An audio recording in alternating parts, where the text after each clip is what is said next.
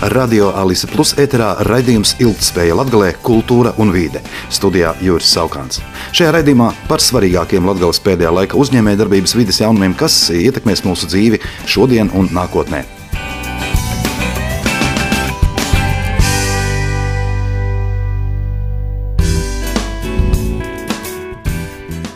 Šā gada februārī Latvijā darbību sāka depozīta sistēma dzērienu iepakojumiem, un SIA depozīta iepakojuma operators veiktās aptaujas rezultāti liecina, ka Latvijā depozīta sistēmu izmanto jau 93% mājsaimniecību. Regulāri, vismaz vienu reizi mēnesī vai biežāk, depozīta iepakojumus nodod 71% iedzīvotāju.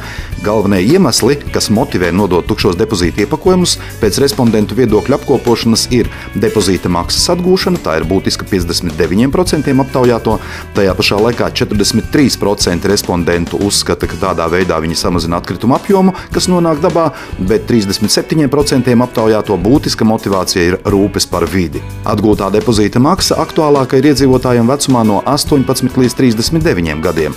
Savukārt vecāka gadagājuma cilvēkus, kam ir 60 un vairāk gadi, motivē iespēja būt atbildīgiem un rūpēties par apkārtējo vidi. Vienlaikus 25% respondentu uzskata, ka depozīta sistēma ir nepieciešama, lai pārstrādātu pēc iespējas vairāk iepakojumu un atgūtu naudu par nodoto taru. Aptaujas dati arī liecina, ka starp tiem 7% respondentu, kas pagaidām depozīta sistēmu neizmanto, 39% vēl nav paspējuši izmēģināt iepakojumu nodošanu, savukārt 31% ir citi iemesli. Piemēram, šie cilvēki atdod depozīta iepakojumus kādam citam, kas tos aizved uz depozīta punktu, vai arī viņi principā neiegādājas produktus depozīta iepakojumā. Internetā veiktajā aptaujā piedalījās 1017 Latvijas iedzīvotāji vecumā no 18 līdz 74 gadiem. Paplašinot sūtījumu saņemšanas un nosūtīšanas iespējas Latvijā, jauni Latvijas pasta ārā pakumāti izvietoti arī Latvijā. Gan pie Latvijā vadošā ērtas iepirkšanās un degvielas mazumtirgotāja Circle K degvielas uzpildes stacijām, gan citās klientiem ērti sasniedzamās vietās Daugopilī, Ludzā un Reizeknē. Latvijas pasta modernie ārā pakumāti ir pieejami klientiem 24 stundas diennaktī, 7 dienas nedēļā. Pat labam Latvijas pasta tīklā ir jau vairāk nekā 100 ārā un iekštelpu pakumātu. Pakumāti klientiem jau pieejami pie Circle K degvielas uzpildes stācijas Daugopilī Ventspils ielā 28 un Reizeknē atbrīvošanas alejā 143B pie Dito tirdzniecības nama Daugopilī cietokšņa ielā 60 un Ludzā stācijas ielā 30. Attīstot dažādus sūtījumu izsniegšanas risinājumus atbilstoši klientu mūsdienu patēriņa ieradumiem, Latvijas pasts vērienīgu ārā pakumātu izvietošanas plānu uzsāka jau augustā, plānojot pakumātu tīkla paplašināšanu ar vismaz 120 jauniem կմատեմ։ Latvijas Republikas proklamēšanas 104. gada dienas priekšvakarā, 17. novembrī, svinīgā pasākumā Daugopils kultūras pilī tika pasniegti Daugopils pilsētas pašvaldības apbalvojumi Gada balva un mūža ieguldījums. Apbalvojumu Gada balva dažādās nominācijās Daugopils pilsētas pašvaldība piešķir jau kopš 2010. gada. Kopumā šogad bija iesniegti 30 priekšlikumi, vēl 9 pieteikumi bija saņemti citu pašvaldības apbalvojumu piešķiršanai. Un tā apbalvojuma Gada balva nominācijā izglītība saņēma Daugopils valsts ģimnāzijas fizikas skolotāja Marina Pilace. Viņas nozīmīgākais ieguldījums un sasniegums darbā ar talantīgiem skolēniem ir zinātniskās pētniecības prasmju pilnveide. Katru gadu skolotāja konsultē vidēji 12 zinātniskās pētniecības darbu izstrādi dabas zinātnēs un sociālajās zinātnēs.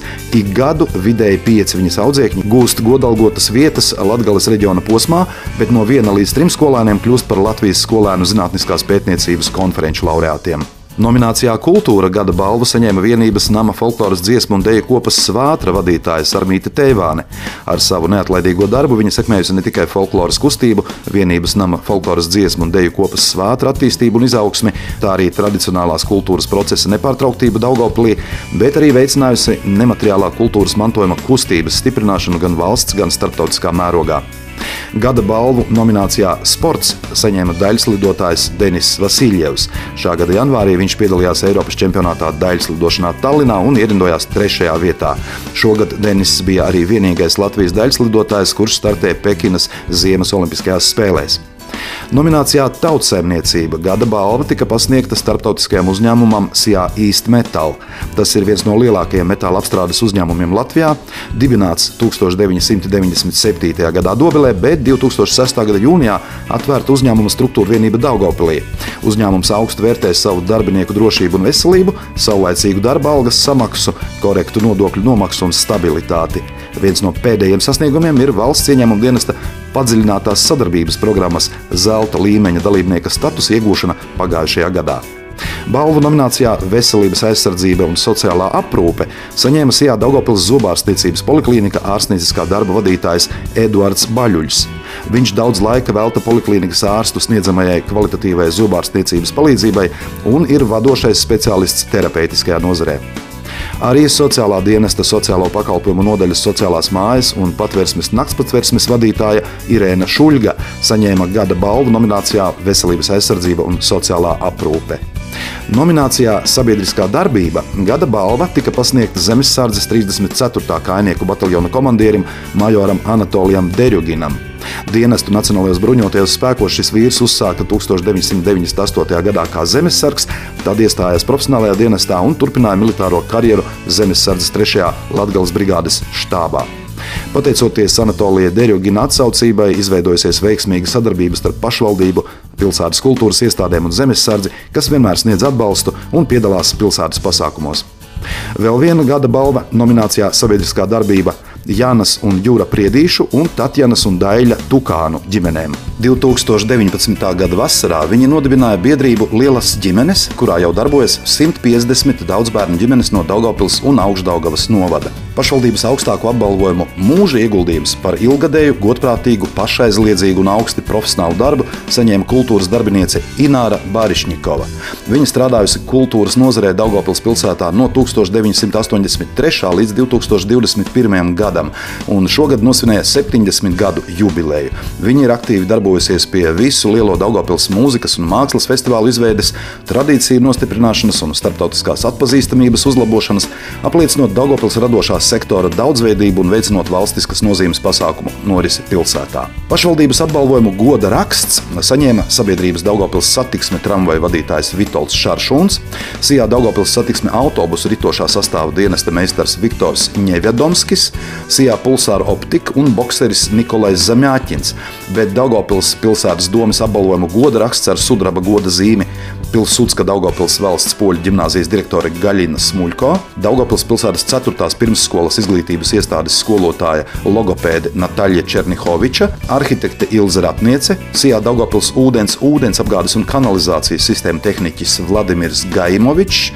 Sijā Daugopils reģionālā slimnīca ražošanas plānotāja saimniecības dienestā Svetlana Baltrukeviča, Sijā Daugopils reģionālā slimnīca personāla un lietvedības nodaļas vadītāja Inga Pļaskota, ģimenes ārste Gaļina Biserova, Latgales centrālās bibliotēkas filiālis Piekrastes bibliotēka vadītāja Anna Oļēņikova, Sijā Daugopils autobusu parks darba aizsardzības inženieris Bernardins Užulis, valsts Sijā Daugopils teātris aktrise Žanna Lubgāne, šahiste Sofija Vasiljeva, Daugopils iespēja vidusskolas vispārējās vidējās izglītības skolotāja Olga Babiško un pestīšanas armijas Daugopils korpusa vadītājs Jānis Sporāns.